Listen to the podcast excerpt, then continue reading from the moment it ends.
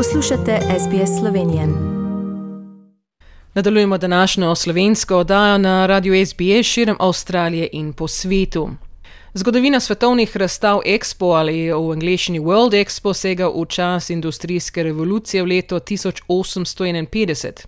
30. marca letos, pa po pol leta, je svoje vrata zaprla Expo 2020, ki je tokrat gostila Dubaj in kjer se je drugič tudi predstavljala Slovenija.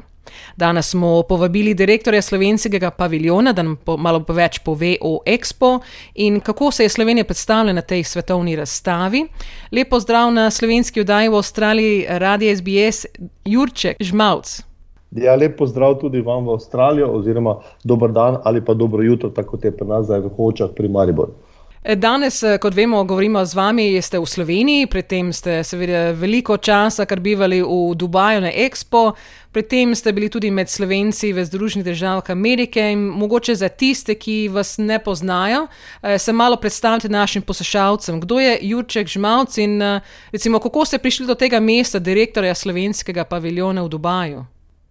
Ja, moje ime je res Jurček Žmavc, še prav, če bi me videli po radiju, to ne gre, je višina glih ni, da bi lahko bil Jurček, lahko bi bil komod Jure, ampak sem Jurček Žmavc, stari Mariborčan, uh, ki pa je potem po vseh službah uh, tukaj in na Dunaju 1997 odjadral v diplomatske vode, uh, 20 let služil Sloveniji kot diplomat, konzul in generalni konzul v celovcu, med 2009 in 2015 pa kot generalni konzul v Cleveland, Ohio, pri naših rojakih v Ohio. Po šestih letih službovanja kot generalni konzul smo nekako prišli do ene točke v naši družini, da smo glasovali in je bilo 4-0, da ostanemo v ZDA. In smo še danes tam, evo 13 let. 2010 smo ustanovili v, v Clevelandu tako imenovano Slovenian American Business Association, ki jo zdaj jaz vodim. V maju uh, 2021 pa sem dobil klic iz Slovenije z informacijo, da Slovenija odhaja na Expo 2020 oziroma 2021, vemo zaradi znanih razlogov COVID-a je bilo predstavljeno za eno leto. In da iščejo direktora oziroma osebo, ki bi to vse skupaj vodila tam na licu mesta po dveh dneh, dali so mi dva dni za odločitev, in sem se odločil, da sem tam, potem sem prvič bil junija, uh, potem pa od avgusta do aprila, osem mesecev nepretrgoma na Expo 2020 v Dubaju, ki je bil pa za Slovenijo, po mojem, ena najboljših predstavitev po svetu. In uh, ko govorimo že o, o Expo, v Avstraliji ga tudi poznamo, ker smo ga tudi pred leti uh, uh, gostili v Brisbaneu v letu 1988. Pa mogoče nam vseeno malo opišite, kaj pravzaprav je Expo in recimo koliko držav se, se predstavi na, na taki razstavi.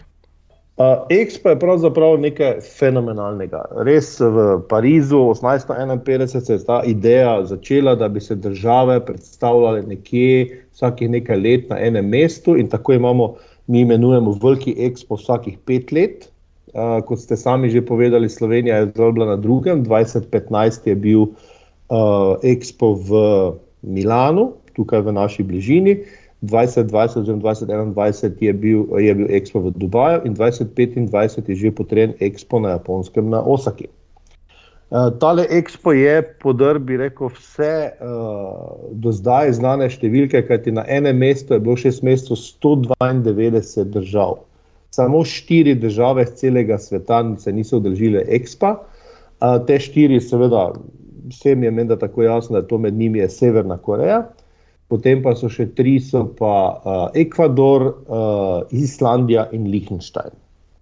Vse ostale države, od Afganistana, Irak, Iran, Amerika, Kanada, Avstralija, Slovenija, Hrvaška, smo bili šest mesecev prisotni v Dubaju in smo uh, predstavljali na 11 tem, je bil 11 topik, ki je bil razdeljen celotni Expo, kar pomeni, da je vsaka država, recimo, če je bila tema vesolja ali je bila tema vode ali je bila tema smart cities, je država povabila od doma podjetja delegacije, občine, mesta, ki se s tem bavijo, in moja ekipa, oziroma ekipa na paviljonu, je ne samo, da smo servisirali celotni paviljon, je tudi zagotavljala mreženje uh, našim podjetjem z podjetji na, ostalem, na ostalih paviljonih. Recimo, kot sem uh, moj prvi pomočnik, oziroma prva pomoč na Expo je bil ravno direktor avstralskega paviljona, Peter Sams, fenomenalen človek, dober prijatelj, ki je pač, ko smo prišli, ker je bil eden med prvimi že na Expo, je pomagal, nam je odpiral vrata in nam svetoval.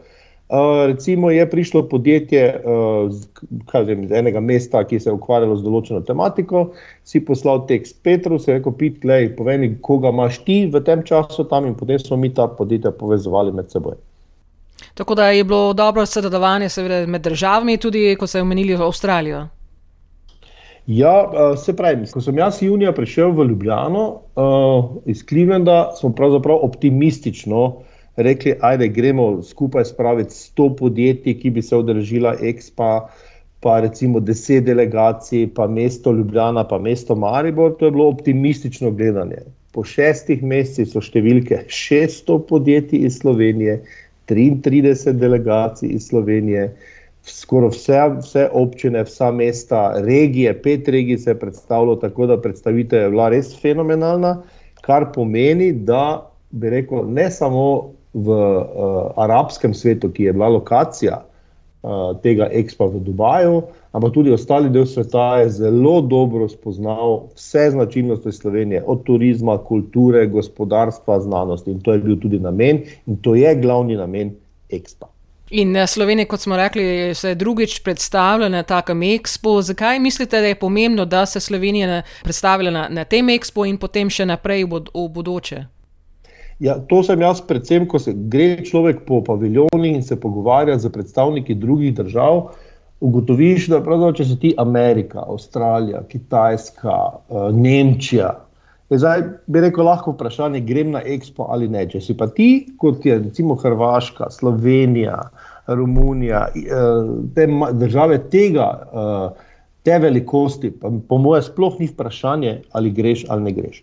Na letošnjem Expo so zelo pozitivno agresivni bili uh, celotna Afrika, Azija in Južna Amerika. To so bili tri deli sveta, ki so res agresivno z dogodki, z obiski, z preditvami, z vabili, res atakirali tale ekspo. Če ste vi velikost Slovenije, vemo, nekaj čez 20 tisoč kvadratnih kilometrov in 2 milijona populacije, in bi se rad predstavil svetu z svojimi izdelki, z svojim znanostjo, z svojimi produkti, Mislim, da je Expo idealna zadeva, ker imaš na enem mestu šest mesecev celoten svet. Kar pomeni, jaz sem celo povedal, moto Mišel je bila pa direktorica uh, paviljona Malezije. In se rekel, kaj je moj moto tega Expa? Je rekel, from Slovenija to Maleža, 20 minut zvok.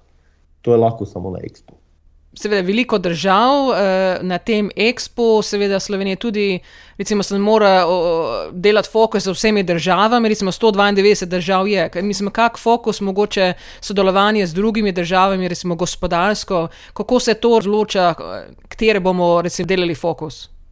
No, to je pa bilo, bi rekel, domača naloga podjetij, ki so se najavili, da pridejo na Expo, da so v vprašalnik napisali, ker ne morete zanimati s tem produktom cel svet, tega mm. produkta ni, sploh ne Sloveniji ampak da so v, v vprašalnik napisali, katere države njih zanimajo kot trgi. In takrat, ko smo mi to bili, smo za vsako podjetje posebej, potem obiskali paviljon, kaže Malezije, Singapura, uh, New Zealand, uh, Danske, zraven so bili Litvanci, Čehe, pač odvisno, kaj je podjetje. In smo vprašali, koga imajo oni, da so naša podjetja, ki so v tistem in tistem času in tistem na tisti temi v Dubaju, ali nam lahko pomagajo z kontakti v njihovi državi. Tako, in to je bilo pravzaprav res fenomenalno izvedeno. In follow-up od podjetij, regij, od županov je pravzaprav tista, bi rekel, zahvala, zahvala ki eh, je pač rekla, potrdilo, da smo delali dobro. In katera, recimo, slovenska podjetja so bili najbolj recimo, uspešna v tem času na Expo? Mi smo imeli kar, bi rekel, nekaj velikih dogodkov, recimo BTC, Steklarna Hrastnik, Medex, Salonit Anhovo, Cetis, Petrol. Knauf, Riko. To so bili dogodki, ko, glede na to, da smo imeli COVID restrictions, še vedno. Ne, uh, si moral, recimo, tam 35 ljudi, si lahko na neko določeno uh, kvadraturo spravo, in potem si imel pa interes več, nismo vedeli, kam ljudmi, vse je bilo pod kamerami. Vemo, to je bilo v državi, kjer Big Brother is watching you, in maske smo imeli tudi v temperaturah 40-45, več čas gor. To ni bilo, uh, bi rekel, nobenih odstopanj od tega. Ne. In, uh, ja, in smo pač to izvali za ta podjetja. Potem smo dobili vprašanje iz Slovenije, če lahko povemo, koliko je pa kaj podjetij sklenilo, kakšne posle. Ne? In seveda moj odgovor je bil, da to so privat podjetja, in privat podjetje meni ni dolžno povedati, ali so naredili milijon ali dva, ali so sklenili kakšne posle. Ne? Ampak glede na odzive, ki smo jih dobili, zadovoljstvo podjetij, sklepamo pač, da je bilo to zelo pozitivno, da neki posli so se naredili. Od follow-upa imam recimo, da dobim mail, joj, direktor, mi se pa vračamo v Dubaj, ker se nas je poklicalo to pa to podjetje. Lepo. Na začetku je bil tudi mogoče en takšen razumski nesporazum. Uh, ko smo klicali podjetje, če bi se Expo udeležili, ker pač enostavno je bila neka skepsa, jo je pa to je daleč, pa ne vem kaj vse. Uh, jaz se ne delam nič z Dubajem. Pa smo rekli, gledajte, Dubaj je samo lokacija. Tam je 192 držav, ki bojo locirane v Dubaju.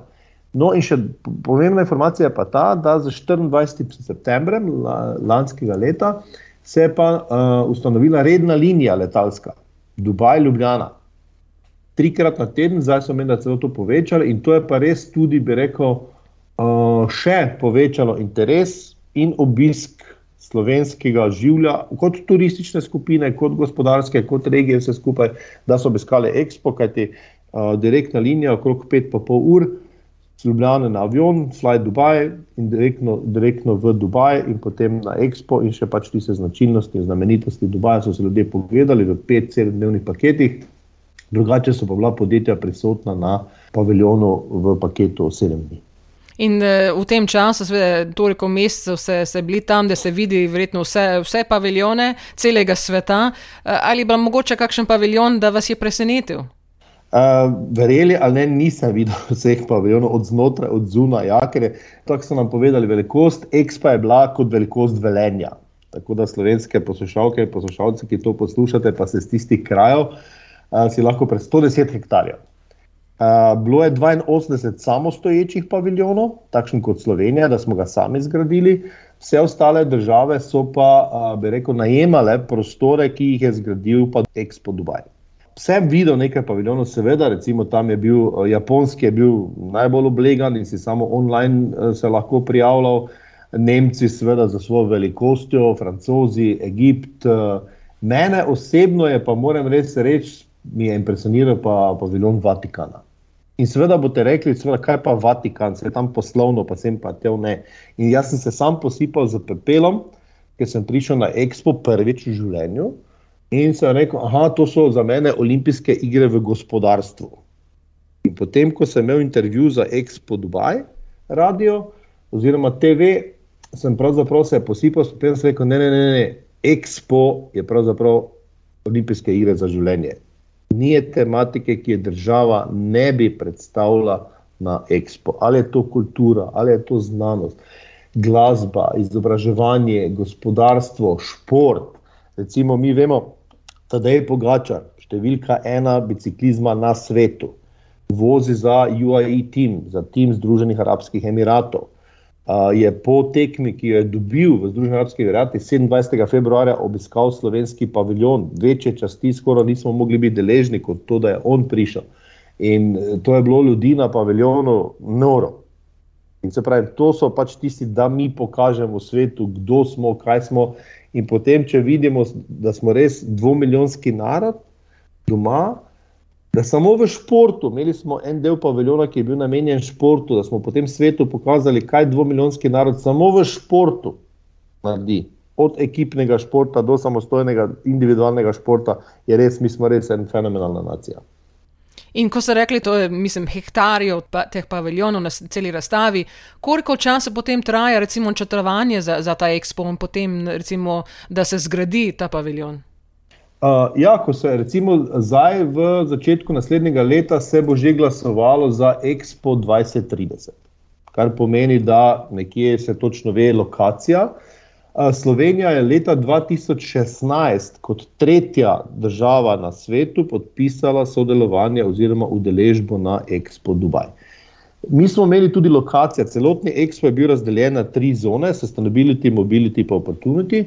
In mi smo bili na sustainability, na trajnostni zoni, res prvi na levi strani, lokacija fenomenalna. Sam paviljon, bi rekel, je predstavljal tri slovenske simbole: voda, les, zelenje. uh, in je bil res miga. Jaz sem, jaz sem celo stavil 100 evrov, da bo slovenski paviljon na, po koncu šestih mesecev Expa med top 10 slikanimi paviljoni na social medijih. Ne, ne vem, kako se to lahko prekontrolira, ampak sem skoraj siguren, ker enostavno res, ko so ljudje prihajali in tiste selfije in paviljon slikali, ker je res tale zeleni zid, ki je bil okoli paviljona, impresioniral vsakega, sploh v lokaciji, v tej vročini, ki je tam, so ljudje prišli in tipali, če je to plastika. ne, ne, ni plastika, to je res vse zeleno. In smo res predstavili, bi rekel, Slovenijo kot tako. Uh, to pomeni, da 2016 se je podpisalo, potem se je začelo z iskanjem lokacije, se je potrdila lokacija, izgradnja, potem je prišel pa COVID, kjer se je pravzaprav vse ustavilo. In uh, če vam povem, da sem jaz prišel prvič, sem prišel junija, oktobra, uh, 1. oktobra 2021 je, bila, je bil prvi dan Expo Dubaj, jaz sem prišel junija, potem avgusta, to pomeni mesec dni, mesec pa pol pred otvoritvijo, smo morali res, bi rekel, pljuniti v roke in da smo paviljon pripravili do tega, da smo lahko 1. oktober odprli. In zdaj, vredno se že načrtuje že za naslednji, ko smo rekli, v, v Osaki bo na japonskem naslednje leto 2025.